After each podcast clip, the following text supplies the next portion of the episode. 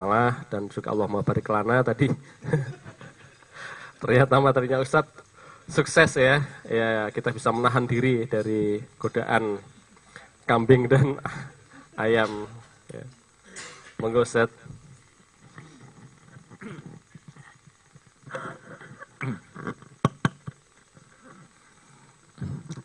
Assalamualaikum warahmatullahi wabarakatuh Alhamdulillah wassalatu wassalamu ala rasulullah amma ba'd. Para santri Surjan yang kami hormati Alhamdulillah. Kita kembali dipertemukan Allah subhanahu wa ta'ala. Mudah-mudahan pertemuan kita kali ini senantiasa mendapatkan ridhonya. Salawat dan salam kita sampaikan pada junjungan Nabi Agung kita Muhammad Sallallahu Alaihi Wasallam yang insya Allah akan kita nanti-nantikan sahabatnya besok pada hari kiamat. Kita masih meneruskan tentang karakter hati, ya. karena ini menurut hemat kami sangat penting untuk kita ketahui bersama. Ya.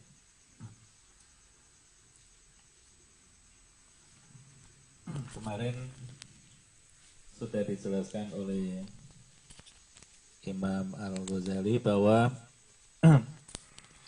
pada diri kita manusia ini ada empat hal yang selalu menempel pada diri kita ya hati kita. Yang pertama adalah sifat sab'iyah yaitu kebinatang buasan yang itu digambarkan oleh Al-Ghazali seperti binatang anjing. Kemudian yang sifatnya suka marah suka menerkam Kemudian bahimia. Jadi pada diri kita ini juga ada sifat kebinatang ternakan yang digambarkan oleh Al-Ghazali seperti binatang babi yang memiliki nafsu atau sahwat yang selalu tamak, rakus. Kemudian juga ada sifat setan. Kemudian ada sifat pada diri kita ini, yaitu atau saitonia yang digambarkan oleh Al-Ghazali setan. Kemudian ada sifat robania yang digambarkan oleh Al-Ghazali seperti Al-Hakim. Nah, Kalau manusia itu taat ya, atau menuruti ketiga sifat tersebut, terutama sifat sabaiyah, bahimia, syaito, niam, itu secara tidak sadar manusia itu telah menyembah ya, kepada mereka itu. Dan kalau mereka sudah menyembah kepada tiga sifat tadi. Itu berarti kata Al-Ghazali manusia itu sudah berada pada goyatul dul sudah berada pada puncak kezaliman tidak ada manusia di dunia ini yang terdolim selain manusia yang dirinya dikuasai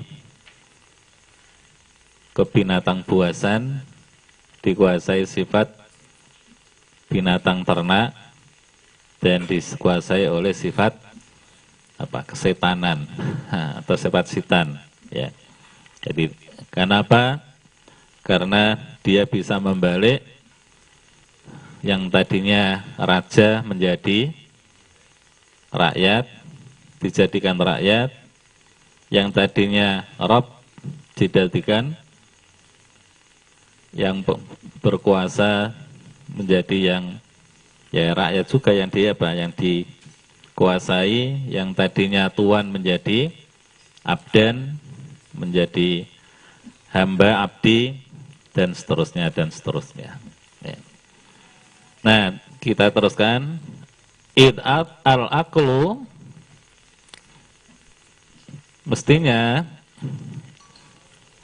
akal wal al mustahiqu lisi ada. Mestinya akal itu lah yang berhak untuk apalagi akan menebar ya. Sifat-sifat yang atau sifat-sifat tadi akan menebar kepada hati manusia sehingga itu menjadi hati itu menjadi tertutup tobian tidak hanya tertutup dilihatnya baik itu berarti orang itu hatinya sudah ron. Kenapa kok ron? Karena hati orang itu sudah dikuasai oleh tiga sifat itu. Sudah tarakum. Jadi sudah numpuk-numpuk itu loh. Sifat kebinatang buasnya, kebinatang ternaknya, kemudian kesetanannya itu sudah numpuk-numpuk sehingga hati itu tertutup, terbalik, hati menjadi apa? Ron, hati menjadi binasa, hati menjadi mati. Nah, kalau sudah seperti itu, apa kata Al-Ghazali? Kalau hati itu sudah taat kepada sahwatu khinzir. Kalau hati itu sudah taat kepada Sahwatnya apa? Kambing, eh kambing, anjing, ya. Kalau kambing. Maka apa yang akan terjadi? Apa yang akan lahir pada diri orang itu? Akan muncul pada diri orang itu? Kata Al-Ghazali, al-khabuth. Yang keluar dari lesan orang itu, perilaku orang itu yang jelek-jelek. Yang busuk ngomongnya ngomong sing elek-elek. Sing diucapkan itu sudah tidak lagi ya ucapan-ucapan yang sejuk, yang menenteramkan hati, yang ngedem-ngedemnya apa? Hati yang mengenyaskan hati. Tapi justru yang diomongkan oleh lesanya itu yang menimbulkan kejengkelan, menimbulkan kekesalan, yang menimbulkan kesakit hatian, dan lain sebagainya. Dan mungkin juga bahasa-bahasa binatang itu sudah apa? Keluar semua. Begitu juga perilaku orang seperti itu juga akan al-khabuth. Akan busuk. Akan jelek. Yang kedua, watabdir. Orang kalau hatinya itu sudah taat kepada sahwatu babi tadi, itu dia akan bersifat mubadir. Ya. Jadi suka apa? Mubadir. Apa mubadir? Ya. Hambur-hamburan.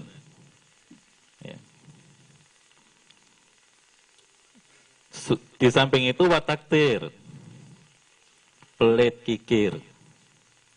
Ya. Jadi orang itu kalau hatinya sudah dikuasai atau taat kepada sahwatul khinzir babi, maka orang itu akan muncul pada diri orang itu apa? Sifat kikir, bagil, pelit. Bukan dermawan, tapi justru apa? Pelit. Waria. Apa ria? Pamer. Pencitraan kalau bahasa sekarang. ya. Hmm.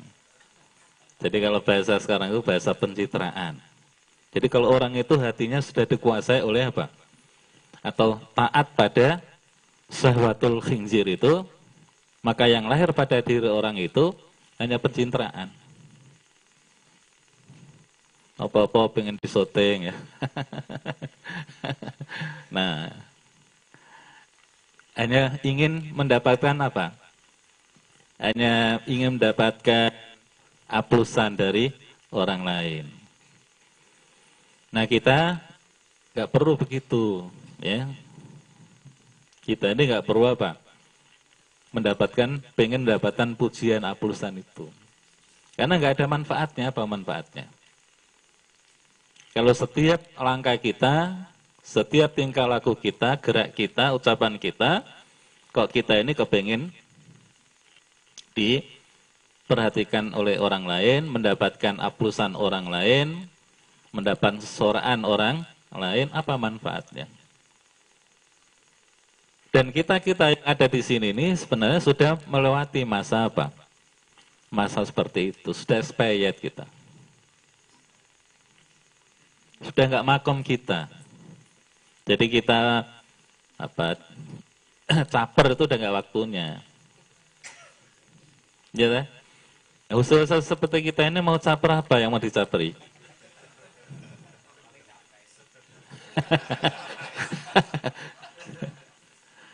Dulu kita masih bujang belum nikah ya. Itu masih caper lah. Nah, sekarang apa mau dicaperi? ya. Kata orang Arab mafi jadua. Gak ada manfaatnya, gak ada artinya, gak ada faedahnya. Paling kalau kita diaplusi, yang tadinya sirai kecil, kian bisa segede joglo ini bahasa. Terus habis itu apa?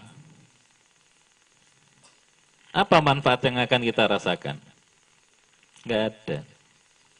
Tapi kalau orang itu hatinya sudah dikuasai oleh atau taat pada syahwatul khinjir tadi, maka dia senangnya hanya apa? Pencitraan.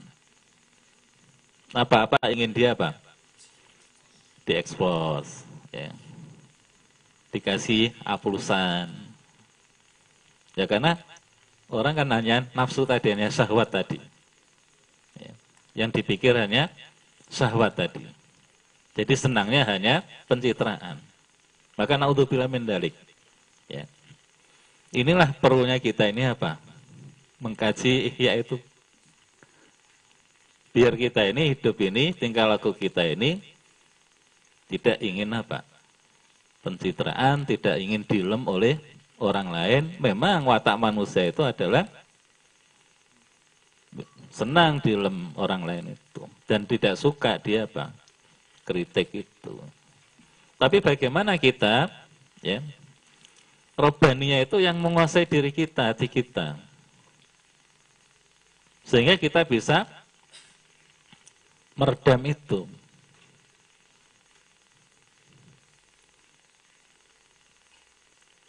Sehingga setiap langkah kita ini tidak ingin dielem oleh orang lain.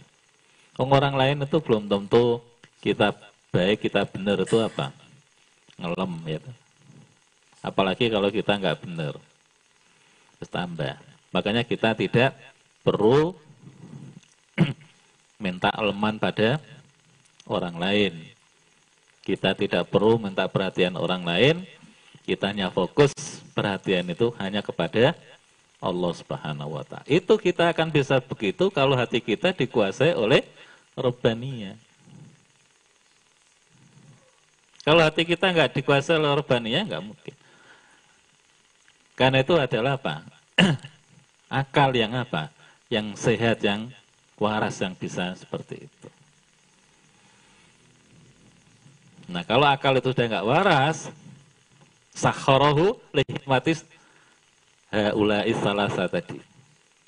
Kalau akal yang tadinya waras, ya, tapi dibalik, ya, ditundukkan oleh Allah menjadi apa? Harus tunduk, taat, menyerah kepada tiga sifatnya tadi, maka perilaku manusia itu akan atau pada diri manusia bukan lahir apa? Senangnya itu pencitraan. Yang selanjutnya apa? Tahakut. Ya. Apa? Hataka. Hataka. Hataka itu apa? Hataka itu yang kemarin saya kita sampaikan yaitu suka eh, mencederai atau membongkar aib kejelekan orang lain. Bahkan mungkin sebenarnya orang itu nggak punya kesalahan, tapi dia apa? Buat-buat kesalahan. Nah, orang yang hatinya itu tunduk kepada syahwatul khinjir, maka orang itu akan suka membongkar kesalahan orang lain. Orang itu akan suka membeberkan aib orang lain, bahkan dia akan senang, bangga. Padahal Allah apa? Coba kalau kita baca dalam surat Al-Hujurat itu, ngeri kita, ya. Wala yaktab ba'dukum ba'dun. Ayuhibbu ahadukum ayakula lahma akhihi maitan fakarihtumu.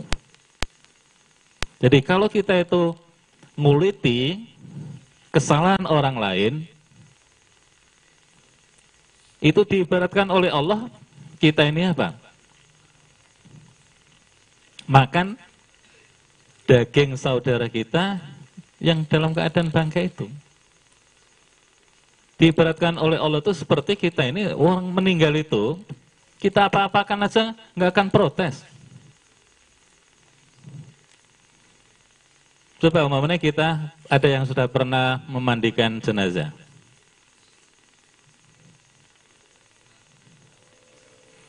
Kalau ada orang meninggal kita mandikan, mau kita apakan? Dibanting sini, banting sini, dia nggak akan protes. Sama dengan kalau kita nguliti apa? Kesalahan orang lain itu. Wong orang lain yang kita kuliti itu kan nggak ada. Wes dientek-entekno sampai apa? Sak tutup-tutup satu itu eh enak aja. Wong yang di unek-unek itu nggak ada. Ya sebagai kan bangke itu loh. Nah apa kita tega ya memperlakukan apa jenazah seperti itu? Nabi mengingatkan, inilah kehebatan manusia itu, kemuliaan manusia itu. Kita memperlakukan manusia ketika meninggal itu sama dengan kita memperlakukan dia sewaktu masih apa? Hidup itu. Sehingga ketika kita memandikan mereka atau apa, itu harus dengan pelan. Makanya belum ada tukang memandikan mayat itu seperti di Arab itu. Memang sudah profesional mereka.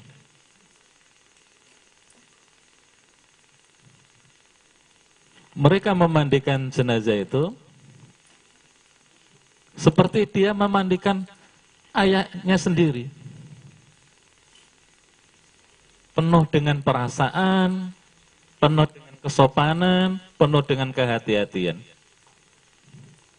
Dan apabila mereka mau menyentuh aurat besar itu, ditutup ya aurat besarnya, itu pasti pakai kaos tangan.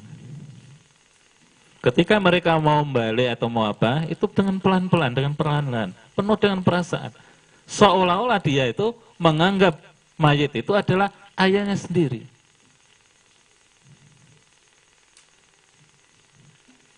Mereka begitu itu karena terilhami oleh hadis Nabi bahwa kita memperlakukan manusia ketika meninggal itu sama ketika dia masih dalam keadaan apa? Hidup itu. Nah, mestinya kan kita ini apa? Perlakukan halus. Tidak apa? Kasar. Ya. Tapi ketika kita ini ngoncek, iya apa ngoncek? Menelanjangi kesalahan saudara kita itu, Ya sama dengan kita ini apa? Bulak balik ini apa? Mayat yang mau kita apa? Mandikan. Dia nggak akan protes ya. Makanya kalau ada manusia yang kerjaannya hanya apa? Ngoncei, menelanjangi kesalahan orang lain, maka manusia seperti ini diibaratkan oleh Allah ayuhibbu ahadukum ayakula lahma akhihi fakari tumu. Gimana? Maitan fakari tumu. Ya. Gak akan mau ya kita makan apa? Bangkai manusia itu. Tapi kalau orang itu hatinya tunduk kepada apa? Syahwat, khinjir tadi, es enak, nggak ada beban. Jadi lesannya itu keluar aja bahkan bangga. Bisa menjerentrengkan kesalahan orang lain itu bangga. Seolah-olah dia mengatakan anarob bukumul ana itu. Padahal mestinya yang kemarin sudah kita sampaikan, kita ini berusaha untuk menutupi apa? Aib orang lain. Kenapa masing-masing kita ini punya apa? Aib. Yang hanya Allah saja yang tahu aib kita ini. Suatu waktu kita dibongkar aib kita oleh Allah, Nah, dibongkar tidaknya aib kita oleh Allah itu adalah tergantung pada diri kita masing-masing. Mampukah kita ini menutup aib apa? Saudara kita atau orang lain. Maka kan doa kita Rabbana atina ma wa'atana ala rasulina wala tukhzina yaumal qiyamah innaka la tukhliful mi'ad. Ya Allah, jangan sekali-kali engkau apa? Membongkar, membeberkan aib-aib kami di hadapan makhluk-makhlukmu besok pada hari kiamat. Atau ketika kami masih hidup di muka bumi ini. Maka doa itu harus kita baca terus. Dan kita berusaha jangan sampai kita apa? Menelanjangi kesalahan aib orang lain. Apalagi itu bukan aib ya, tapi kita aib-aibkan. Yang mestinya dia tidak punya aib tapi kita apa? Jadikan itu sebagai aib umpamanya. Ya. Berarti itu nanti ke arah fitnah kan begitu. Ya. Nah, itulah perilaku orang kalau hatinya sudah dikuasai oleh atau tunduk kepada syahwatul khinjir. Yang selanjutnya wal muja wal mujana. Sukanya berbahasa basi aja. Jadi bahasa basi. Kalau ngomong hanya apa? bahasa basi, ya. Wal abus. Hanya main-main. Nah, wal khirs jelas ya. Apa? Ambisi. Wal jish. Tamak. Nah, wal mal. Sifat selanjutnya apa? Dia senang itu hanya mencari muka. Jadi orang yang hatinya dikuasai oleh sahwatul khinjir itu, orang semacam ini senangnya itu hanya mencari muka.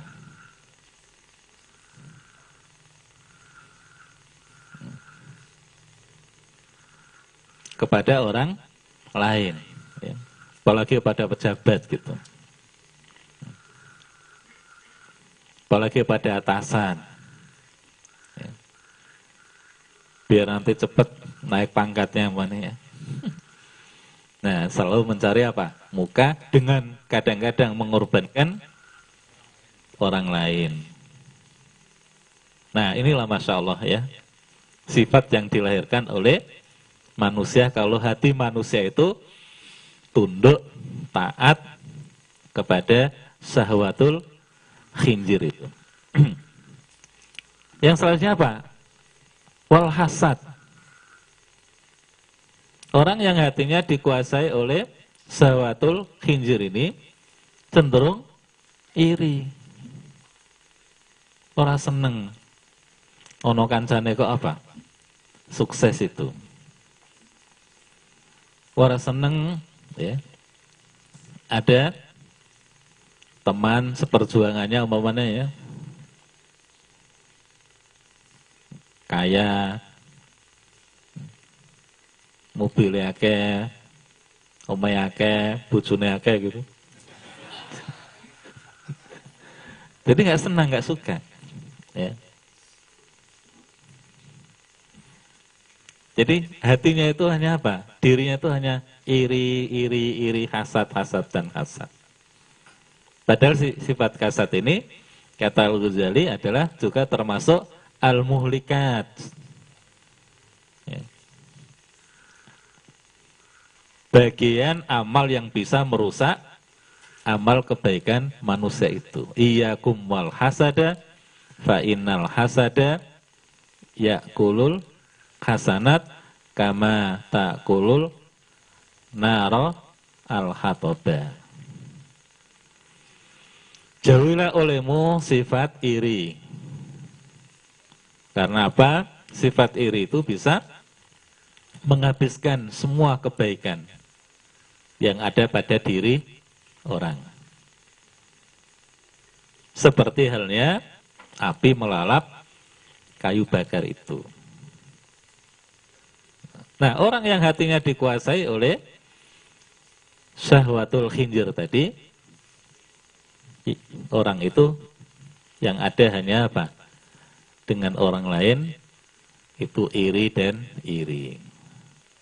Hasud dan hasud. Gak seneng kalau temannya itu apa? Sukses. Gak seneng kalau temannya itu berhasil. Ya. Gak seneng kalau temannya itu hidupnya dalam rumah tangga kok adem, ayem, anak-anaknya do tuhu-tuhu dengan orang tuanya. Nah, nggak suka. Jadi iri terus ya. Sudah iri walhik dendam. Ya.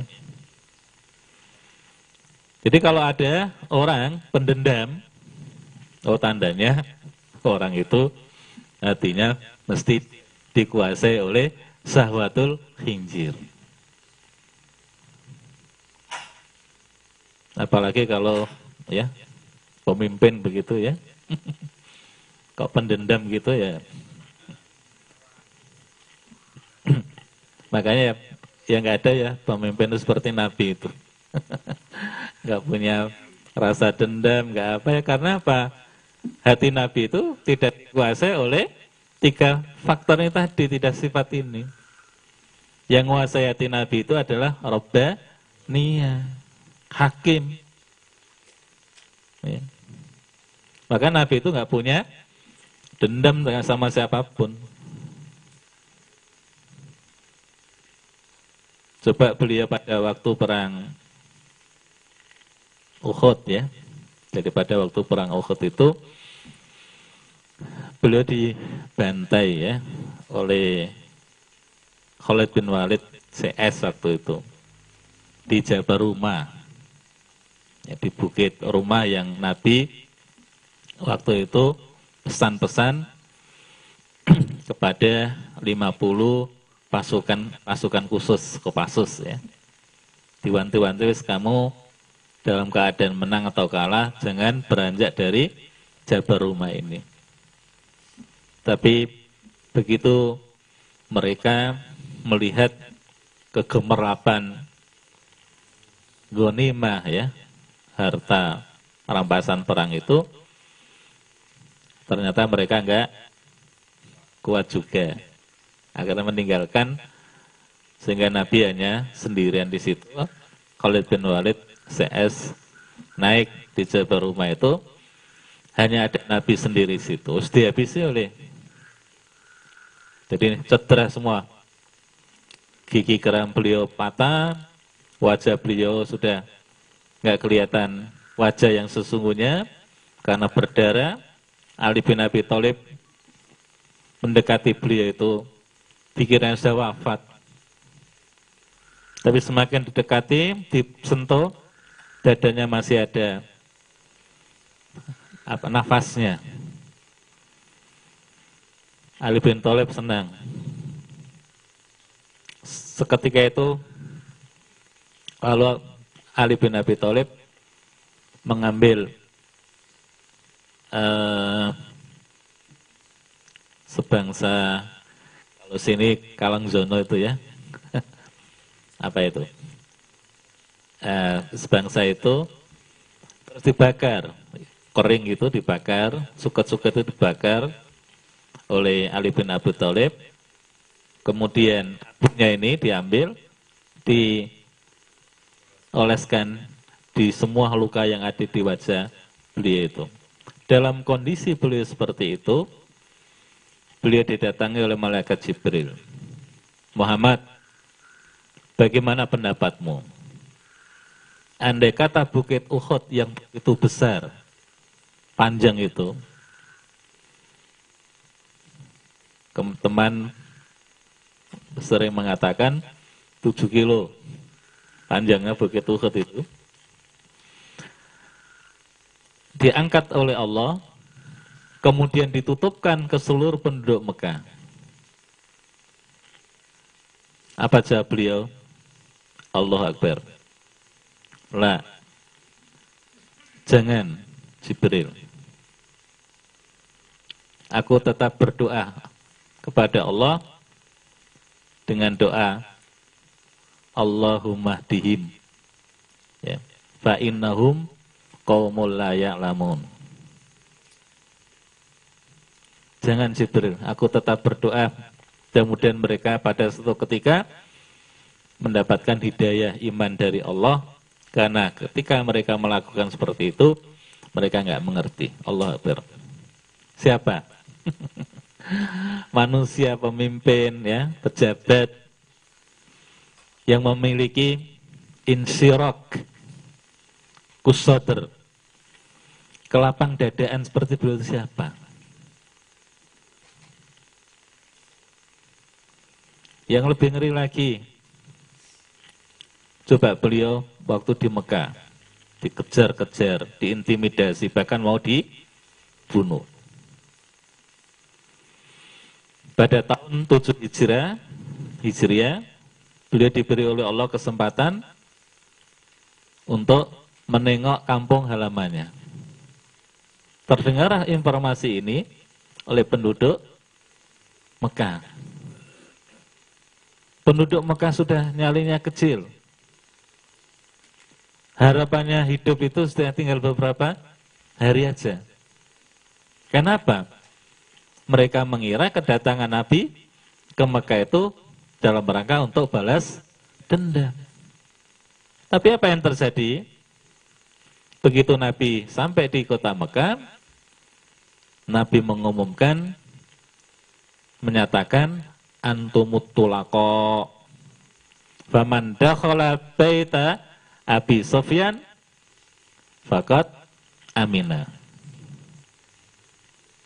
Wahai penduduk Mekah, ketahuilah bahwa kedatangan kami ke sini ini bukan untuk balas dendam. Tapi kami hanya sekedar menengok kampung halamanku. Karenanya siapa yang mau masuk di rumah Abu Sufyan, aman-aman aja ada. Siapa yang bisa seperti itu? Padahal dulunya dia apa? Diintimidasi, ya. Bahkan mau dia apa? Bunuh. Tapi begitu Nabi punya power, punya kekuasaan, Nabi tidak punya rasa dendam. Kenapa? Karena hati Nabi tidak dikuasai oleh syahwatul khinzir. Tapi yang menguasai hati Nabi adalah Robbani. Sehingga Nabi menjadi manusia yang hakim, bijak, nggak punya dendam. Ya. Nah, beda dengan orang itu kalau apa? Hatinya dikuasai oleh sahwatul khinjir kata Luzari, pasti orang itu akan apa? Pendendam. Wes. Pasti, ya. Yeah. Wis iri, dendam, ya. Nah, itu sudah sudah pasti kata Al-Ghazali itu, ya. Wasamatat apa samatat itu? Samatat itu senangnya mencaci. Jelek-jelek ke, ngelek-ngelek ke. Di muka umum itu ya, senangnya hanya apa? Ngelek-ngelek ke orang lain.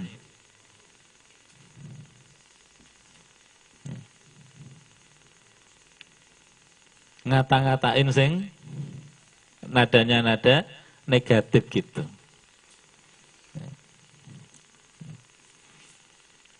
Itu kalau orang itu sudah dirinya dikuasai, artinya dikuasai oleh sawatul kinjir tadi. Itu senangnya hanya apa? Ngeleng-ngeleng orang. Jelek-jelekkan apa? Orang lain. Mengumpat orang lain. Ya. Nah untuk bila mendalik ya. Wagoiriha dan lain-lainnya. Ya. Tapi kalau orang itu dirinya dikuasai oleh atau hatinya dikuasai oleh godopul kalb, kalb. Apa? Marahnya anjing, godob. Apa yang lahir pada diri orang itu? Yang lahir pada diri orang itu, orang itu akan tahawur. Perilakunya itu ngawur. Wis diserang wae dhisik. Diantem dhisik. Sing penting apa? Ngantem dulu, mukul dulu. Dia nggak mau apa? Mikir. Akibatnya apa? Nanti paling-paling urusan neng polisi. Ya. Terus yang penting dia apa? Ditabok dhisik. Nah, inilah orang itu kalau apa? Hatinya itu dikuasai oleh godobul kalab. Kemarahan apa? Anjing itu. Jadi kalau yang nyetir hati manusia itu adalah anjing ini, maka perilaku orang tersebut adalah perilaku yang lahir itu adalah perilaku yang ngawur.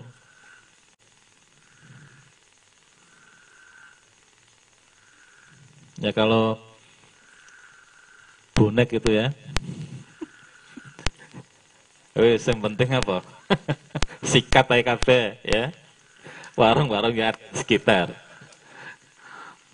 Engkau urusan belakang dan gitu. Nah, begitu kira-kira ya. Orang itu kalau hatinya sudah dia apa?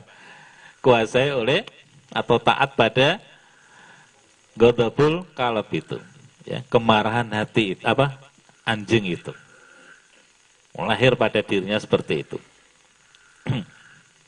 Watakabur. Apa? Sombong. Jadi orang kalau dirinya atau hatinya itu dikuasai oleh yang namanya godobul kalb, kemarahan anjing, maka akan lahir pada diri orang itu adalah sifat sombong kesombongan yang muncul pada dirinya. Seolah-olah dialah yang benar. Seolah-olah dialah yang baik. Ya. Memposisikan dia sebagai orang yang paling baik. Memposisikan dirinya itu sebagai orang yang paling benar, yang tidak pernah salah begitu. Ya. Itu kalau orang itu sudah hatinya dikuasai oleh godobul kalaf itu. Gak ada sifat tawadu itu rendah hati itu nggak ada. Padahal wa ibadu rahmanul ladhi yamsuna alal ardi haunan. Ya. Apa ciri ibadu rohman itu? Ciri ibadu rohman salah satunya adalah berjalan di muka bumi ini dengan keadaan apa? Haunan. Penuh dengan kerendah hatian. Ahmad Mustafa Al-Marogi dalam kitab tafsirnya Al-Marogi itu menggambarkan bagaimana toh berjalannya haunan itu dia dari puncak jalan yang tinggi turun ke bawah gitu. Gimana kalau kita dari atas ya, jalan yang tinggi terus ke bawah itu, pripun? Nah, hati-hati banget untuk ya. Nah, itulah kata gambaran Ahmad Mustafa Al-Marogi dalam tafsirnya Al-Marogi ketika menafsirkan wa ibadur rahmanil ladzina yamsuna alal ardi haunan itu. Artinya orang yang ibadur rahman itu artinya yang dikuasai oleh sifat robani itu berjalan di muka bumi ini penuh dengan ketawa doa. Ya. Tapi sebaliknya, kalau hati manusia itu dikuasai oleh godobul kalb, maka yang lahir pada diri orang itu hanya apa? Kesombongan. Ya. Padahal sombong itu menjadi penghalang orang untuk masuk surga. Ya. Apa sih sombong itu? Al-kibar itu apa? yaitu menolak kebenaran dan meremehkan orang lain gitu. Nah, jadi menolak kebenaran dan mengabaikan orang lain. Itu namanya sombong, merasa dirinya yang benar, nggak mau menerima masukan dari orang lain. Ya, Walaupun masukan itu positif atau baik gak akan diterima. Makanya tidak ada manusia di dunia ini yang paling sombong selain manusia Yahudi itu. Kenapa? Orang Yahudi itu gak mau menerima apa? Masukan orang lain. Makanya orang-orang kita ini termakan meniru sifat mereka itu. Jadi orang-orang kita ini itu sesuai dengan jenjang kepangkatannya, statusnya. Jadi kok S1 begitu ya, mau ngasih masukan kepada yang S2 nggak mungkin S2 itu mau menerima.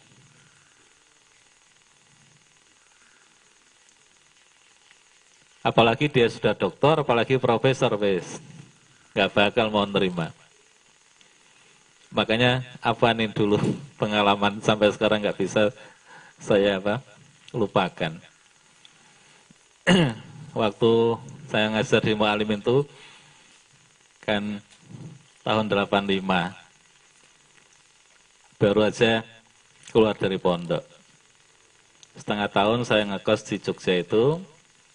Nah setengah tahun, ya tadi yang mungkin saya ada pernah cerita, saya suruh diajak teman untuk ngabdi di mualimin itu. Kan masih kecil itu dibandingkan dengan apa? Dengan teman-teman yang lain sudah sarjana, kuliah masih semester satu atau dua. Ya. Nah itu hanya makan hati. Apa pun yang kita sampaikan dalam apalagi rapat-rapat itu nggak bakal diterima. Sampai dua tahun, tiga tahun itu masih begitu. Apalagi dulu direkturnya ganti ya, DRS gitu. Wah harus tambah.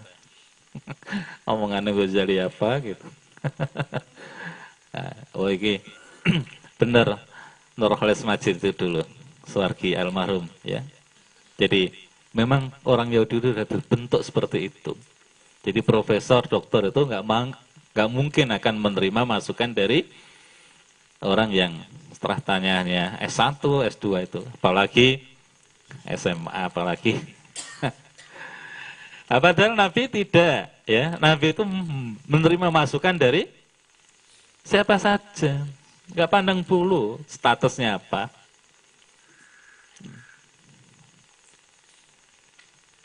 Bahkan Nabi yang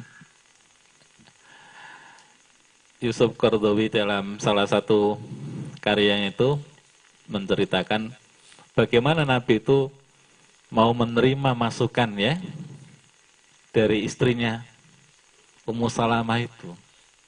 Ketika beliau itu diabaikan, nggak digubris oleh sahabat-sahabatnya itu. Habis umrah, sahabat-sahabatnya suruh potong rambut, apa cukur, gundul. Nggak ada yang mau. Nabi manusia ya, ya tentu galau. Melihat sahabat-sahabat di kono, cukur, gundul, nggak ada yang mau itu. Ada yang masuk rumah dengan wajah yang jemberut Nabi itu ke rumah Ummu Salamah. Ditanya ada apa Nabi? Ada masalah apa? Apa yang bisa bantu? Nabi terus terang. Itu loh sahabat-sahabat itu saya suruh apa ini cukur nggak ada yang mau. Ummu Salamah. Terus gini aja saya panggilkan tukang cukur. Biar nanti tukang cukur itu nyukur rambut engkau dan nanti di hadapan mereka. Dipanggil, diterima. Oke. Kamu panggil ya, kata Nabi. Panggil. Begitu Ummu Salama ya, kembali ke rumah dengan membawa tukang cukur itu, sahabat-sahabat itu lengsem semua. Apa lengsem? Malu kabeh. Akhirnya apa? Mereka rebutan minta digundul. Ya. Kadang-kadang orang meremehkan istri apa istri itu. Ya. Apalagi nggak punya. Nah, masya Allah. Artinya apa? Nabi itu kan, status beliau seperti itu ya. Rasulullah, Nabiullah, apalagi begitu, eh, mau menerima. Bahkan yang juga ini agak kadang-kadang jarang ada orang ya seperti beliau itu. Ada sahabat Nabi namanya Namiro. Ada yang mengatakan Namiro ini lanang, ada yang perempuan gitu, ada yang mengatakan. Ternyata nama Namir ini kan diabadikan oleh pemerintah Arab Saudi dengan sebuah masjid ya. Di Padang Arafah itu dinamakan Masjid Namira itu. Dia ini adalah kerjaan sehari-hari tukang ngebun, tukang tukang sapu masjid itu. Masjid beliau. Nah pada satu ketika dua hari beliau itu nggak nemukan dia. Dia bertanya, mana sahabat Namira kok nggak kelihatan dua hari ini? Dijawab oleh sahabat, waktu Nabi sudah dua hari yang lalu, dia meninggal. Nabi kaget, kenapa kamu nggak memberitahu aku? Apakah karena Namira itu tukang satu, dur kamu enggan untuk memberitahu kami. Aku kata Nabi. Bukan begitu Nabi, bukan. Kami sengaja tidak memberitahu engkau karena dia itu meninggal di malam hari dan malam itu juga kami kubur. Kami makamkan. Sehingga kami nggak enak untuk memberitahu engkau. Oke kalau gitu, tunjukkan aku kata Nabi, mana kuburnya ditunjukkan diantar ke kuburan ke kubur Namira itu di situ Nabi sholat. Allah Akbar. Nabi itu nggak apa, nggak pandang bulu ya Allah.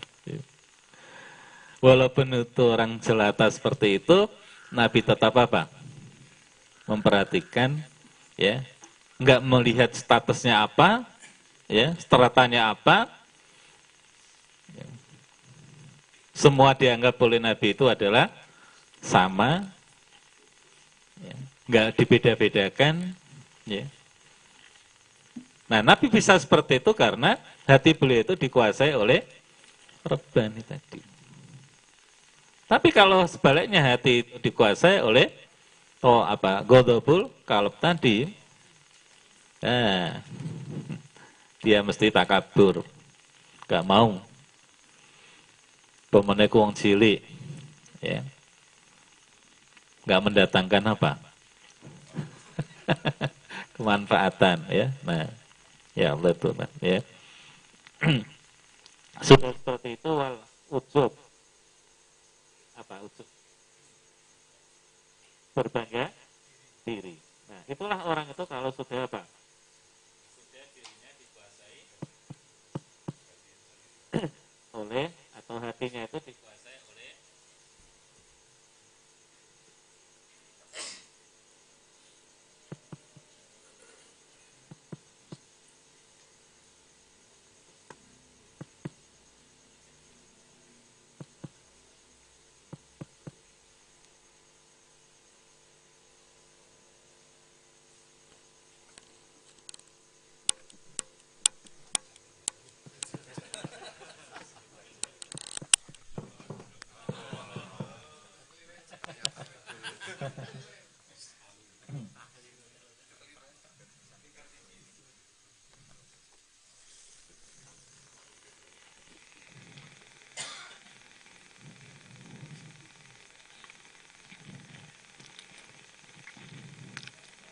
Nah, itulah ya. Apa? kalau orang itu sudah dikuasai oleh godobul kalab tadi, kemarahan anjing itu.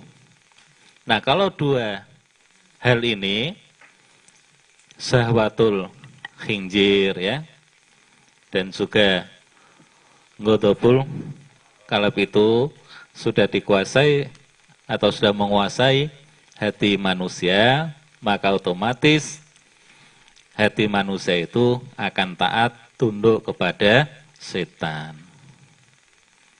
Jadi sifat-sifat kesetanan itu akan apa? Juga lahir pada diri manusia. Apa sifat setan itu?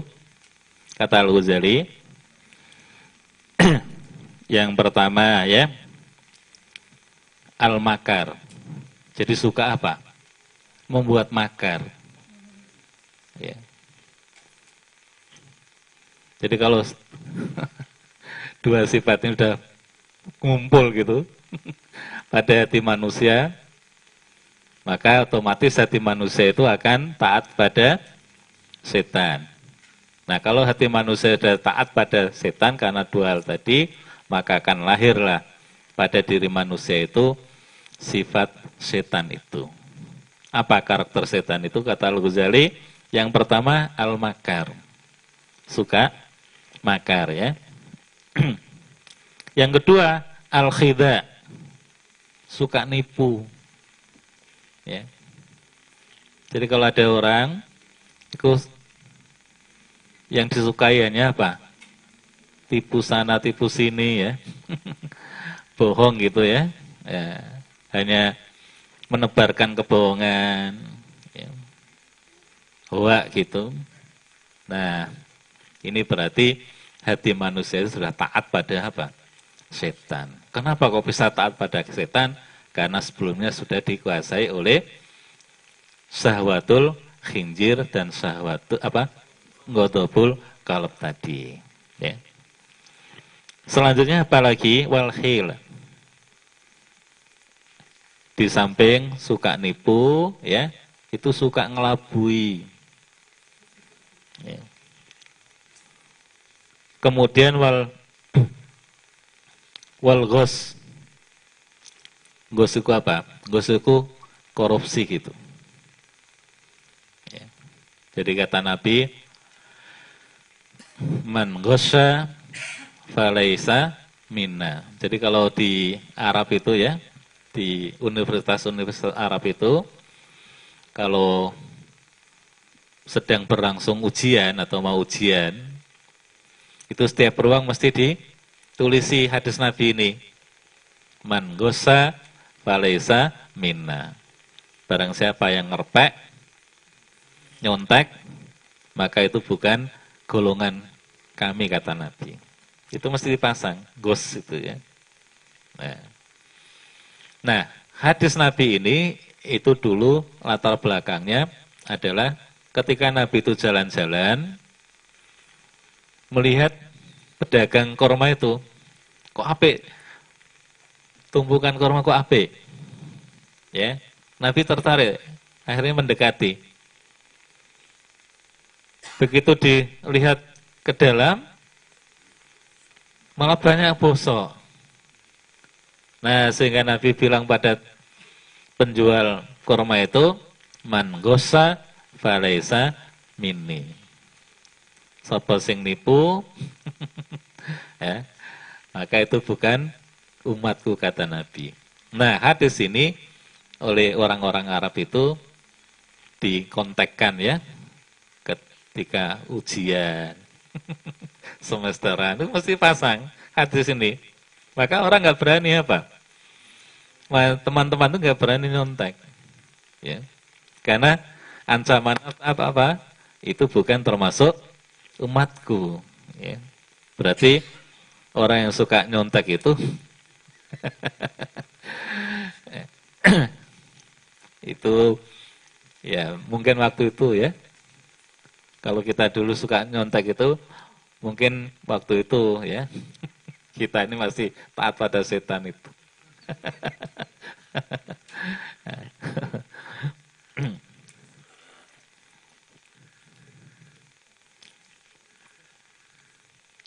Nah yang juga di samping itu juga talbis atau tadrib. Ya. Jadi suka memalsukan gitu. Ya. Jadi suka apa? Suka eh,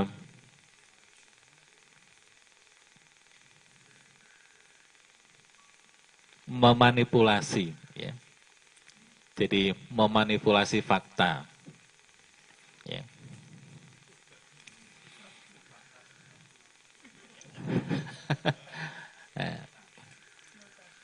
ini orang tuh kalau sudah dikuasai oleh taat pada setan itu, maka orang itu akan mudah untuk memanipulasi. Ya. Nah, makanya harus kita hindarkan. Tapi sebaliknya, kata Al-Ghazali, walau aksul amru, nah, tapi sebaliknya, kalau hati manusia itu yang menguasai adalah sifat robaniyah, sifat-sifat kerobaniahan, maka akan lahir pada diri manusia yang hatinya itu dikuasai oleh sifat-sifat robaniyah itu apa? Al-ilm. Ya. Akan orang itu akan gemar mencari apa? Menuntut ilmu. Ya. Jadi kalau orang itu kata Al-Ghazali, hatinya kok dikuasai oleh oleh sifat robani, maka orang itu akan gemar untuk menuntut ilmu. Wal hikmah. Ya, hikmah itu hampir apa? sama ya dengan ilmu pengetahuan ya. Wal yakin. Orang yang hatinya dikuasai oleh sifat robani itu kata Al-Ghazali, maka orang itu akan semakin punya keyakinan yang tinggi. Wal ihato bihaqo ikil asya. Orang yang hatinya itu dikuasai oleh sifat robani, orang ini kepingin mengetahui segala sesuatu yang ada di muka bumi ini. Ya. Jadi diri orang tuh nggak pernah diam tertuntut menuntut ilmu, membaca, belajar, mengkaji, terus pokoknya meneliti gitu ya.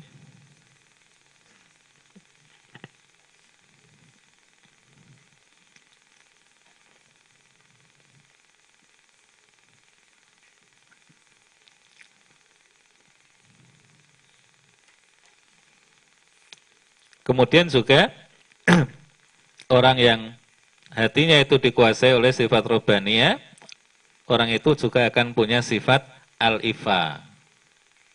Apa ifa itu? Menjaga harga diri. Ya. Wal kona'a. Orang itu akan apa? Menjadi orang yang bisa kona'a. Ya.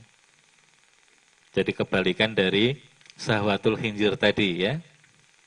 Nah, jadi kalau sahwatul hinjir itu bisa dikalahkan dengan sifat robbani, maka orang itu akan menjadi apa? Ifa. Juga akan menjadi apa? Kona'a. Menerima ing pandum. Ya. Tapi tidak berarti kemudian tidak apa? Usaha. Ya. Tetap harus usaha. Wal hudu tenang. Ya. Wal waro. Apa waro itu? Waro itu penuh kehati-hatian terutama dalam hal-hal yang haram atau dalam hal yang subhat apalagi yang apa haram jadi ya Allah ya kalau salafus soleh kita itu saking waroknya itu dalam satu kitab ada cerita ada seseorang yang sudah sampai di rumah kehilangan dompetnya Akhirnya dia menelusuri jalan sepanjang yang ia lewati itu. Tiba-tiba di tengah jalan yang ia lewati itu, dia temukan dompet itu. Dulu dompet kan belum ada, belum berisi KTP ya, identitas belum ada. Begitu dia pegang, dia pegang, timbullah keraguan-raguan. Jangan-jangan ada orang yang punya dompet yang sama dengan dompetku ini. Akhirnya apa? Dia tinggalkan dan dia pulang balik lagi. Padahal itu jelas itu dompetnya. Tapi begitu dia timbul apa? Keraguan-raguan, maka dompet yang mestinya itu miliknya dia tinggalkan dah dia pulang enggak mencari lagi dah. Allah Akbar. ya. Itulah kalau orang itu bisa apa?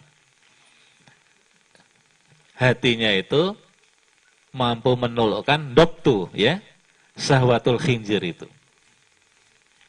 Kalau diri hati manusia itu bisa menaklukkan sahwatul khinjir itu. Maka orang itu akan lahir pada diri orang itu apa? Warok tadi. Hati-hati ya Allah. Padahal itu jelas ketok welo-welo ya. Apalagi kalau jelas itu punya orang lain. Ya. Sementara betapa banyak orang yang apa? Bukan miliknya, sudah jelas bukan miliknya, ngaku-ngaku bahwa itu apa? Miliknya ya Allah. Ya. Itulah ya kalau orang itu dirinya dikuasai oleh sifat robaniyah. Apabila hati manusia itu bisa untuk mengendalikan ya sahwatul khinjir itu. Maka akan lahir pada diri orang itu ifa. Akan lahir pada diri orang itu kona'a. Akan lahir pada diri orang itu hudu ya. Juga akan lahir pada diri orang itu warok tadi ya. Juga zuhud. Ya. Zuhud. Ya, biasanya orang mengartikan zuhud itu adalah orang yang nggak senang dengan kesenangan dunia. Ya. Dia menjauh dari apa? Kesenangan dunia. Tapi sesungguhnya seperti yang kemarin kita sampaikan, zuhud itu jangan diartikan meninggalkan kesenangan dunia. Tapi kalau sebab kalau zuhud itu dari meninggalkan kesenangan dunia, nah terus siapa nanti yang akan apa? menangani dakwah-dakwah kita ini, kerja-kerja dakwah kita ini. Sekarang ini kerja dakwah kita ini butuh apa? Dana banyak. Untuk masang satu bendera saja butuh berapa dananya? belum baliho ya. ya. Nah kalau kita artikan zuhud itu adalah meninggalkan kesenangan dunia, terus siapa yang akan nangani kerja-kerja dakwah ini? Nggak ada. Orang semua itu butuh apa? Kesenangan dunia, butuh dana. Ya. Makanya zuhud itu jangan diartikan meninggalkan kesenangan dunia. Tapi apa? Kemarin sudah kita sampaikan, bagaimana meletakkan kesenangan dunia itu hanya di tangan, tidak dimasukkan ke dalam hati. Dan itulah yang telah dilakukan, dicontohkan oleh sahabat-sahabat Nabi yang kaya-kaya itu. Abu Bakar kaya, ya. Umar juga kaya, Utsman kaya. Abdurrahman bin Auf kaya. Kemudian Abu Tolha juga kaya. Tapi mereka-mereka yang kaya-kaya itu memposisikan kesenangan dunia, kekayaannya itu hanya di tangan. Tidak di apa? Tidak di hati. Makanya dia mudah untuk melepaskan. Coba sahabat-sahabat Nabi yang kaya-kaya kan mudah untuk melepaskan kesenangan dunianya. Enggak gini tuh. Ya. Abu Tulha itu seorang sahabat Nabi yang kaya dengan kebun kurmanya. Jadi hampir kota Madinah itu kebun kurma yang ada di kota Madinah itu miliknya dari salah satu dari sekian banyak kebun kurma yang dimiliki oleh Abu Tolha itu, yang paling bagus itu yang sekarang menjadi Masjid Nabi Nabawi itu. Jadi semua lokasi di sebelah barat laut Masjid Nabawi itu dulunya adalah kebun kurma milik Abu Tolha. Daerah itu namanya Bureha. Nah ketika ada ayat turun kepada Nabi yang bunyi ayat itu adalah lantana lul birra hatta tungfiku mimma tuhibbun.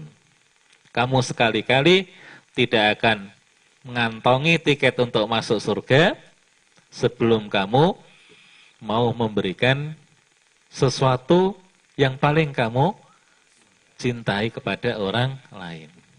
Ketika Abu Talha itu mendengar ayat ini, diturunkan kepada Nabi, langsung Abu Talha itu nemuin Nabi.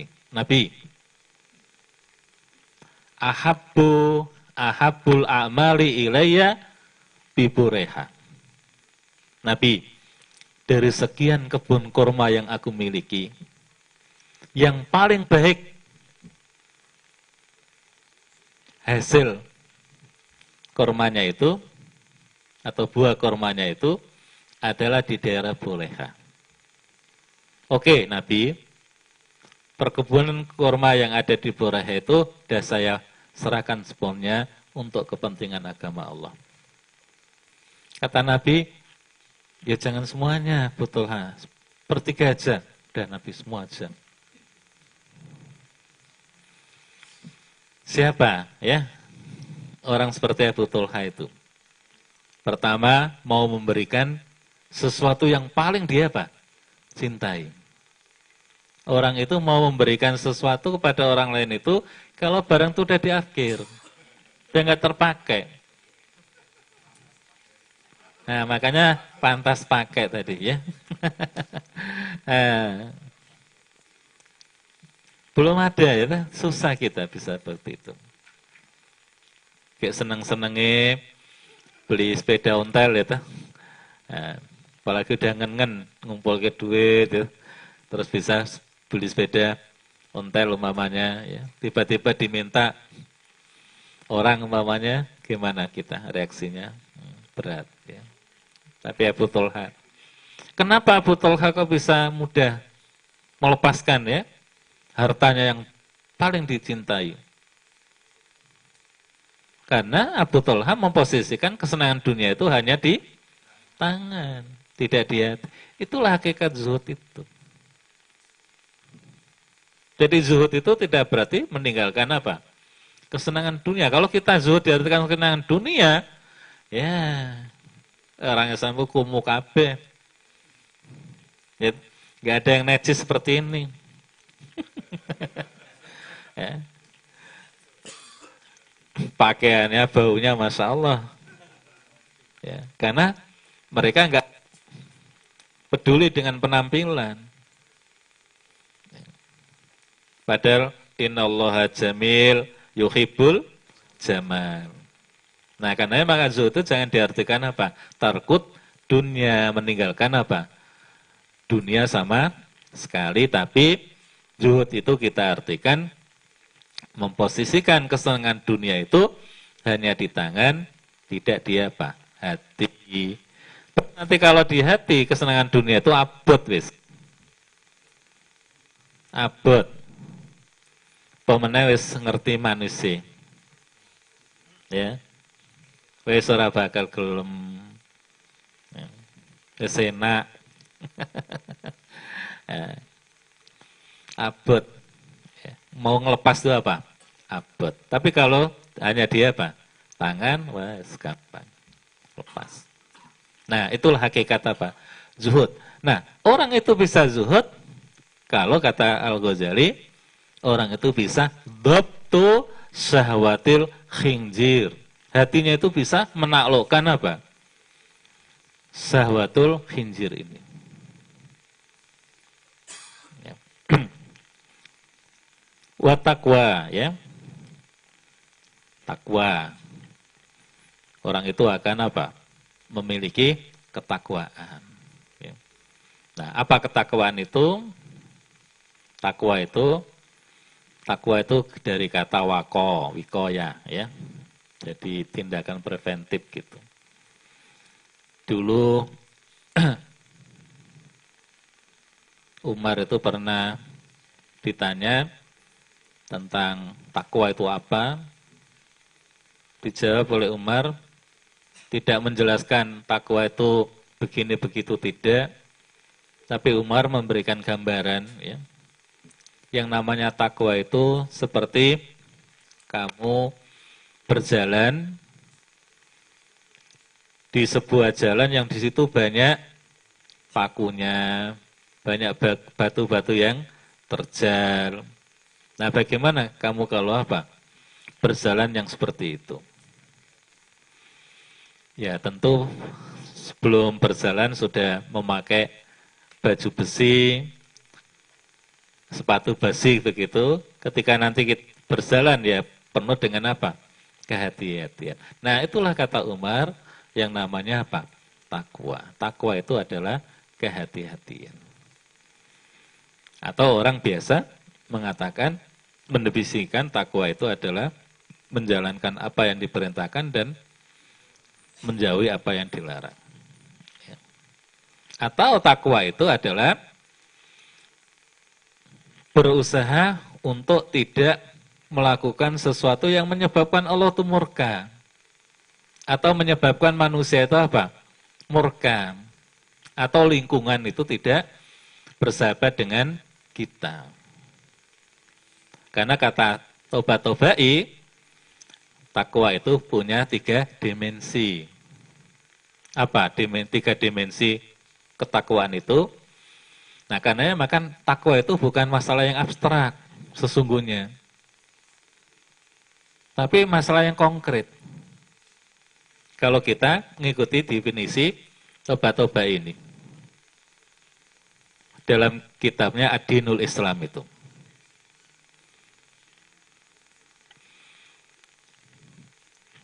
Dengan definisi toba-tobai ya, takwa itu meliputi tiga dimensi itu, maka takwa itu bukan barang yang abstrak, tapi barang yang konkret.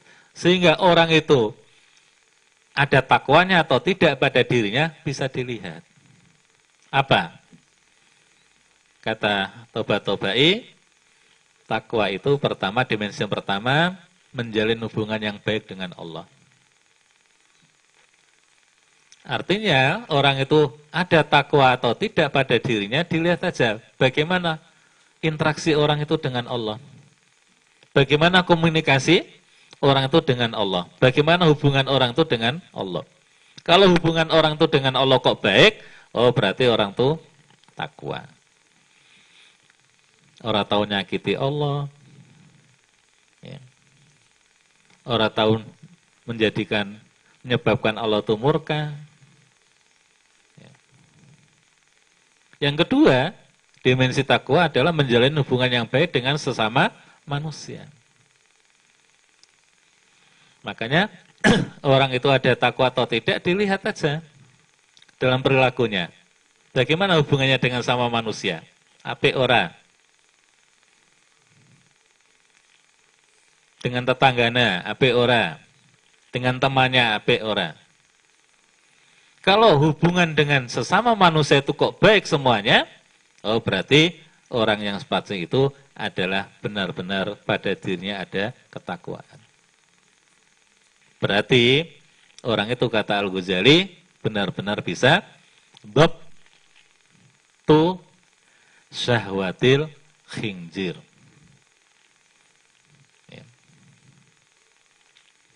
Atau syahwat apa godobul kalab. Orang suka marah-marah dengan orang. Enggak suka apa? Caci maki orang. Enggak suka membongkar aib orang. Ya. Tapi apa? Takwa. Suka menjalin hubungan yang baik. Ya. Karena ya maka ya kalau kita apa? Kalau kita renungkan ya Orang itu nggak bisa mau masuk surga itu hanya mengandalkan apa? Kebaikan hubungannya dengan Allah tak itu nggak bisa. Makanya Islam itu sesungguhnya tidak bisa dipisahkan dengan apa? Kehidupan itu. Islam itu nggak bisa dipisahkan dengan lingkungan itu.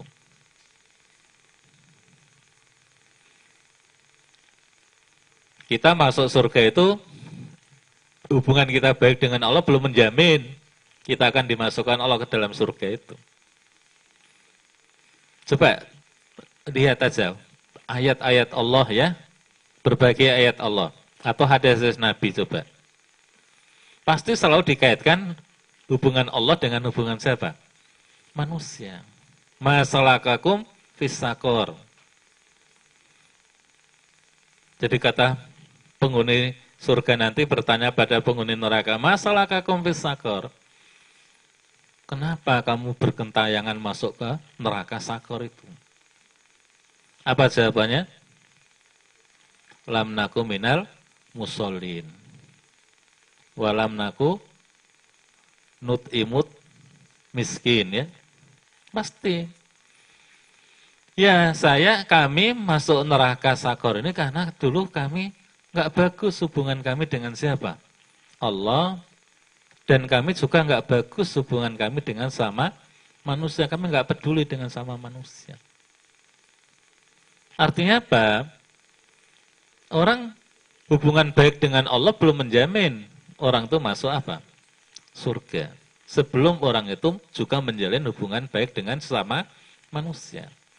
Mungkin yang sering sudah antum dengar ya, ada seorang sahabat yang perempuan yang rajin beribadah diluluhkan oleh sahabat-sahabat laki-laki saking rajinnya ling ibadah kepada Allah hubungan dengan Allah itu sampai sahabat perempuan ini dicap untuk masuk surga itu.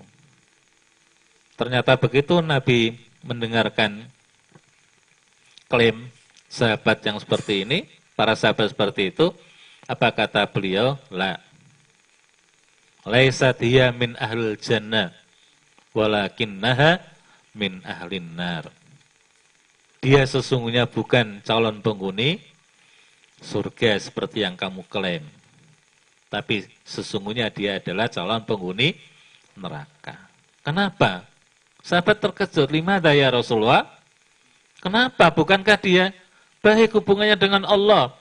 Salatnya rajin, zamannya rajin, baca Qurannya rajin, dikirnya rajin, puasa Senin Kamisnya rajin. Benar, semua itu. Tapi dia tuh di jaroh, jaroha. Dia suka menyakiti apa? Tetangganya. Tuh di sodi kotaha. Dia suka menyakiti temannya. Allah Akbar. Ternyata hubungan manusia yang begitu baik dengan Allah, yang tidak diikuti dengan hubungan yang baik dengan sama manusia, belum menjamin manusia itu apa? Masuk surga. Karenanya orang yang bertakwa itu adalah orang yang menjalin selalu menjalin hubungan baik dengan sama manusia. Yang ketiga kata tobat-tobai, takwa itu adalah dimensi ketiga menjalin hubungan manusia eh, dengan lingkungan ya di sekitar. Oh dengan tanaman ya tiap pagi selalu dia apa siram. Ya.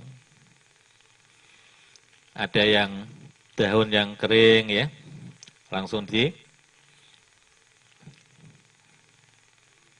di apa dipatahkan itu ya. Nah diambil dan lain sebagainya. Jadi dengan lingkungan itu juga apa?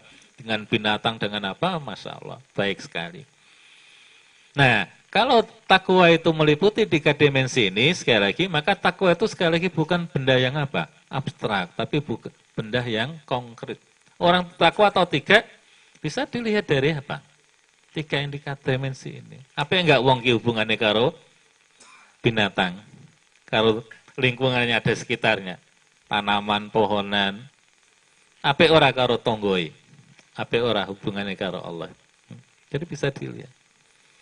Maka kalau orang tuh dirinya bisa menekan ya, doktu sahwatil kalau tadi maka orang itu akan menjadi takwa. Wal imisat. Wajahnya akan ceria. ya. Jadi dia akan punya wajah apa? Ceria ya. Wa husnul hay'a penampilannya mesti apa? Apik gitu. Jadi kalau orang iso menekan sahwatul apa? Khinjir itu dia akan wajahnya ceria, ya. suka senyum. Juga penampilannya itu juga apa? Husnul hay'a. Penampilannya mesti baik. Pakaiannya ya, necis. Nah, itu kalau orang apa? Walhaya, orang tuh punya apa? Malu. Wa musa ada, orang itu suka nolong, ya. Dan lain sebagainya. Nah, itu kalau apa? Orang itu eh, bisa menekan yang namanya syahwatul khinjir tadi. Sebaliknya, kalau orang itu bisa menekan kuatul godob. Apa yang akan lahir pada diri orang itu? Dia akan menjadi manusia yang saja apa? Berani, ya. Yang kedua, dia akan menjadi al-karum. Manusia yang suka nyoh. Suka apa? Memberi. Suka berkorban. Jadi nggak eman-eman. Ya. Jadi kalau orang itu bisa menekan kuatul ghadab, jadi sifat apa tadi? Anjing itu ya. Maka orang itu akan menjadi pemberani. Yang kedua adalah karom. Apa karom itu ya? Lebih dari dermawan. Jadi nyanyo itu ya. Nyanyo. Nah, makanya orang Arab itu sering mengatakan Allah Karim. Jadi mau kita ini punya mau punya proyek besar itu ya, Sementara kita belum punya dana.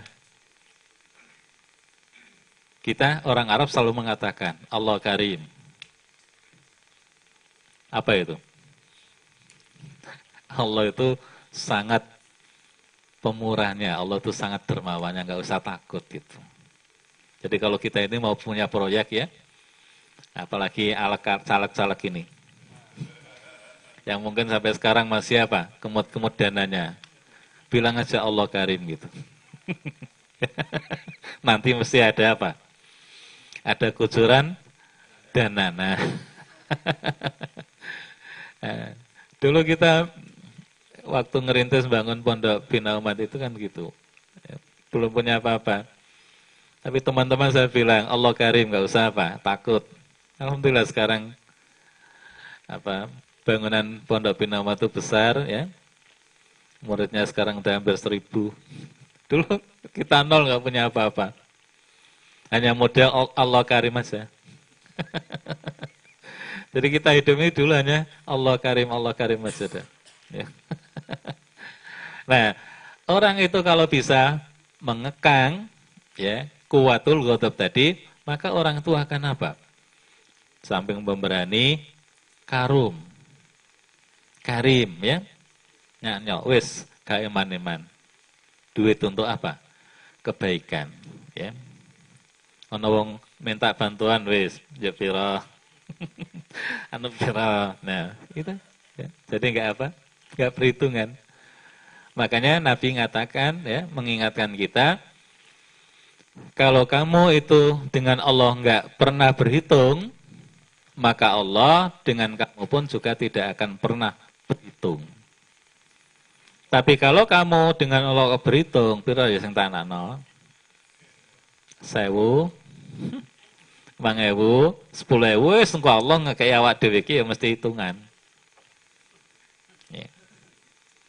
Tapi kalau kita karim, wis gak hitungan, ngekei apa saja itu ya untuk kebaikan itu untuk orang lain, Allah pun juga ngasih kita itu nggak juga akan apa hitungan. Nah, tapi kalau kita hitung piro ya piro piro ya Allah ngekei kitanya hitungan ya diseret-seret itu. Makanya kenapa kita seret Jojo awak dhewe apa? seret juga ya. Nah. nah, makanya kita harus punya apa? Karim, ya. Jadi karum. Kita akan bisa karum kalau kita ini bisa menekan kuatul ghadab. Ya. Di samping itu apa? Wasober kita akan menjadi manusia yang sabar. Ya. Jadi kalau kuatul ghadab ini bisa kita tekan, ya, kita akan menjadi orang sabar. Wadabtu nafs. Kita akan bisa mengendalikan diri kita dengan baik. Jadi kalau kita apa ini bisa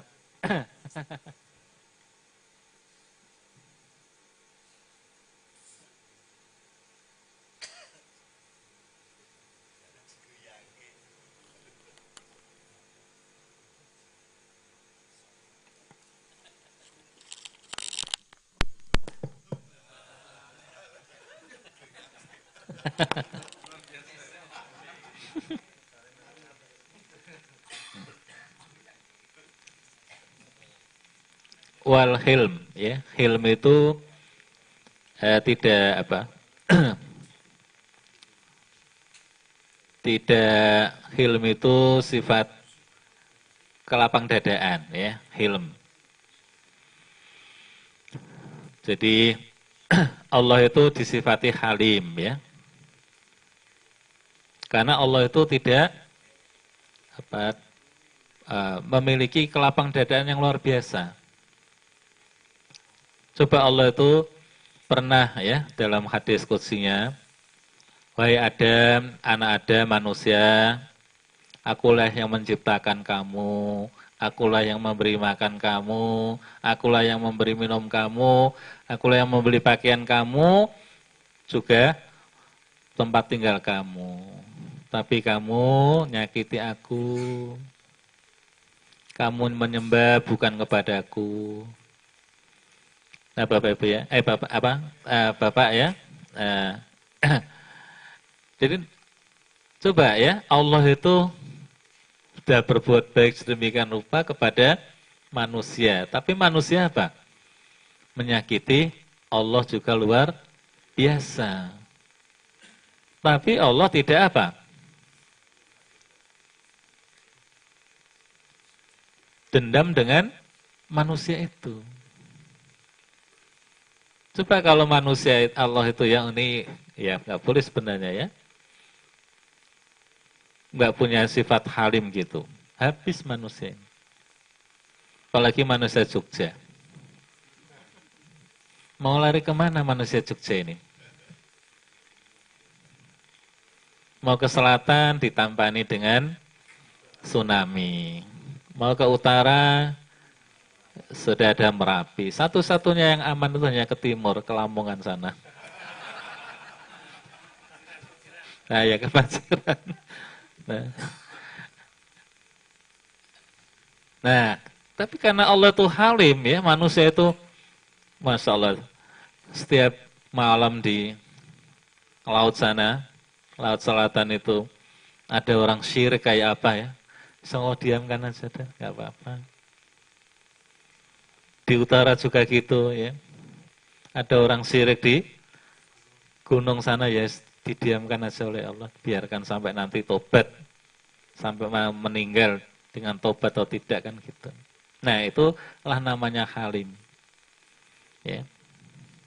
Jadi nggak mudah apa? Sakit hati, nggak mudah dendam itu. Itu namanya halim. Wal ikhtimal. Ikhtimal itu mau menerima segala apa? Kesulitan. Jadi kalau kita ini bisa apa? Menekan kuatul ghadab itu, kita ini akan menjadi manusia yang ikhtimal, muhtamil. Segala kesulitan hidup yang kita apa? Rasakan tuh akan kita terima dengan senang hati. Antum datang ke sini ya, dengan berbagai macam kesulitan itu, antum akan bisa merasakan dengan apa? Senang hati. Walaupun di sini cuma ngantuk umpamanya ya. Nah, itu juga diterima dengan apa? Tetap datang. Jadi ikhtimal. Nah, kalau antum ya dengan segala kesulitan tetap antum terima dengan senang hati, berarti antum itu bisa doptu kuatil godop. Bisa mengendalikan kekuatan apa? Amarah. Yang itu ciri dari binatang anjing itu. Yang selainnya, walaf, suka memaafkan. Ya. Jadi kalau kekuatan amarah itu bisa dikendalikan oleh hati kita, oleh diri kita, maka yang lahir pada diri orang itu adalah apa? Sifat pemaaf. Ya. Istimaafkan. Ya. Wasabat. Apa sabat? Teguh pendirian. ya. Jadi konsisten, istiqomah. ya. Nah, jadi kalau kuatul ghadab ini apa? Nah sekarang kita banyak tantangan-tantangan ini ya banyak ujian. Nah, sahabat kita ini saat ini sedang apa? Diuji. Nah, kalau kita bisa sahabat, berarti kita benar-benar bisa dobtu kuatil dodob. Tapi kalau kita bisa tahyir, tagayur, bisa apa?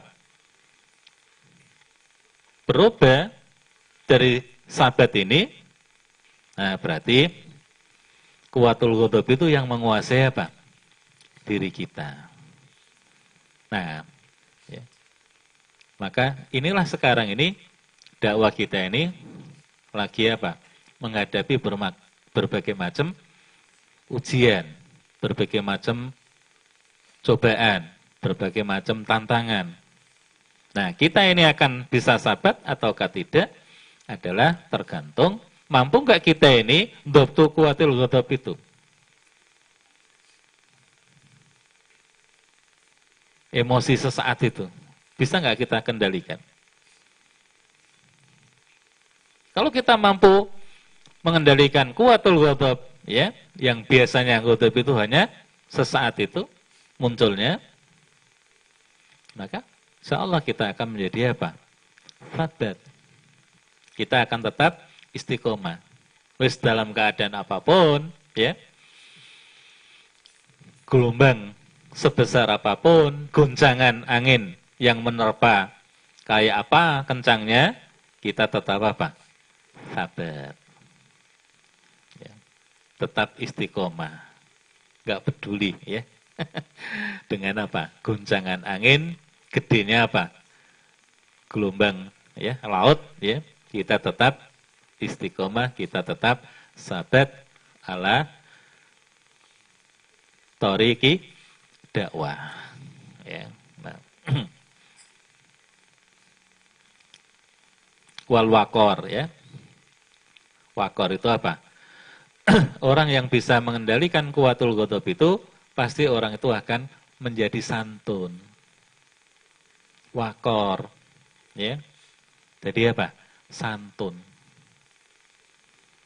Tapi kalau orang itu beringas, ya, nggak santun ya dengan uang wis beringas gitu. Nah, wis itu kuatul godobnya mesti apa? Dominan itu ya pada dirinya itu. Nah, kalau kita bisa apa? Kuatul Dobtul kuatul godob itu kita akan menjadi manusia yang apa? Santun. Nah, kita bisa seperti itu ya karena hati kita itu tadi semua dikuasai oleh apa? Sifat robani itu ya Allah. Mudah-mudahan ya kita yang ada di tempat ini hati kita yang menguasai adalah sifat robani sehingga kita menjadi manusia yang santun, bukan manusia yang peringas. Kita menjadi manusia yang sabat ya bukan menjadi manusia yang mudah terombang ambing yang tidak punya pendirian dan seterusnya dan seterusnya tadi. Wallah alam bisawab ya. Nah ini sebenarnya masih banyak lagi nanti ya. Jadi kayaknya kita perlu bahas hati ini aja. Kalau ilmu-ilmu itu ada ilmu kata Al-Ghazali bagi dua, ada ilmu itu yang didapatkan di ta'alum, dengan belajar. Tapi ilmu itu kita dapatkan dengan ilham. Ya tadi dulu kita sampaikan itu ya dengan apa? Dengan ilmu laduni atau ilmu mah mauhib. Yang ilmu laduni ilmu mauhib ini akan didapatkan kalau kita tuh dekat dengan Allah Subhanahu wa taala. Dan itu kita usahakan. Asalkan kita ini apa? benar-benar dekat dengan Allah ya. Ya istilah riadonya kuat. Apa riadonya? Jadi kata Imam Syafi'i, sakautu ila waqi'in su'al khidhi fa arsadani ila tarkil ma'ashi. Pada satu ketika saya pernah mengadu kepada kiaiku Pak Kiai Wakil tentang nggak bagusnya hafalanku. Setiap belajar ya di hadapan guru gitu, waktu mendengarkan ya fah apa wis ilmunya nyantol KB. Tapi gitu pulang hilang. Atau membaca ya, nyantol KB apa yang dibaca. Begitu ada ditutup bukunya hilang KB. Terus pakai wakil itu memberikan resep. Syafi'i, kowe sing kepingin afalamu tetap eksis, siji resep Nopo Pak Ye? Tarkil ma'asi.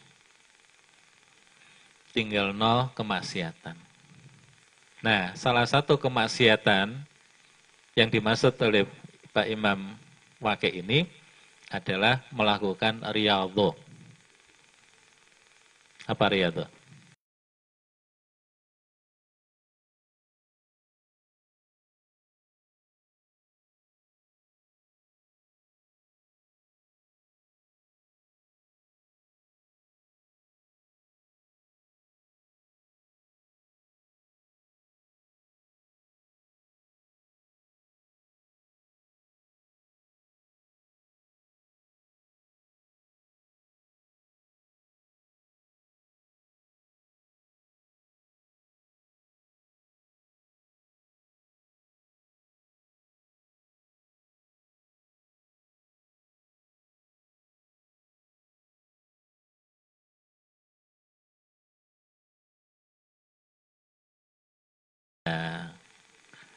Jadi mereka dulu berusaha untuk nggak kenyang dulu waktu apa?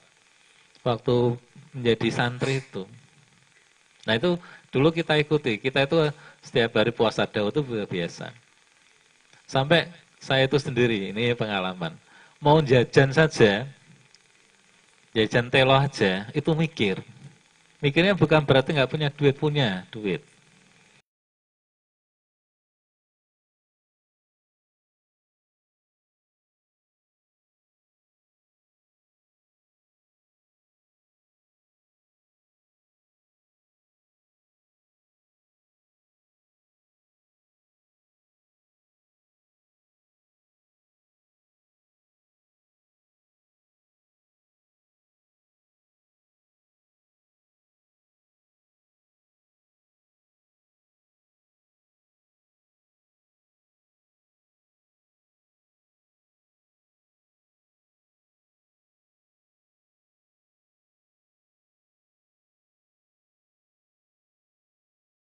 Murid ya.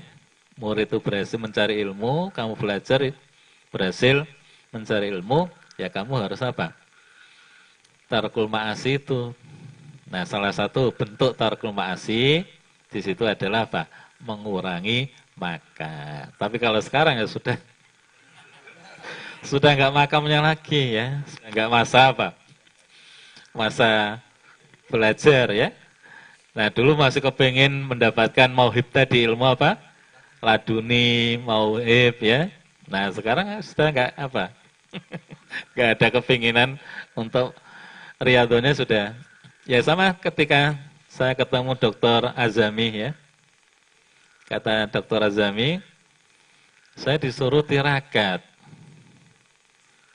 oleh anak-anak saya. Apa Pak? Abi itu kok nyuruh saya tirakat. Api aja yang tirakat. Apa kata Dr. Azami? Api itu tirakatnya udah dulu nak. Sebelum antum antum ini lahir, api itu tirakat terus dah. Sekarang api udah nggak lagi, makamnya ada tirakat. ya tirakatnya udah dulu deh. Sekarang sudah nggak lagi tirakat. Kalau dulu nggak tirakat ya, makanya kan benar ya, berakit-rakit dulu, nanti bersenang-senang apa? Kemudian, ya. Jadi begitu dan setiap jam 12 malam mesti sudah bangun. Jadi jam 10 9 tidur, nanti jam 12 jam 1 udah mesti bangun deh. Jadi dulu tirakatnya luar biasa waktu di pondok itu. Ya. Nah sekarang saya enggak lagi tirakat. Ya Pak Iwan ya. Makannya ada banyak, nah cuma sekarang udah mengurangi makan. Karena ini kesehatan saja. Begitu. Assalamualaikum warahmatullahi wabarakatuh. Ya, maturun Ustadz, Alhamdulillah pada malam hari ini kita mendapatkan banyak ilmu ya Salah satu di antaranya kita harus sering mengatakan Allah ya Karim, ya. Jadi itu mantra ya. Allah ya Karim. Jadi ketika kita mendapatkan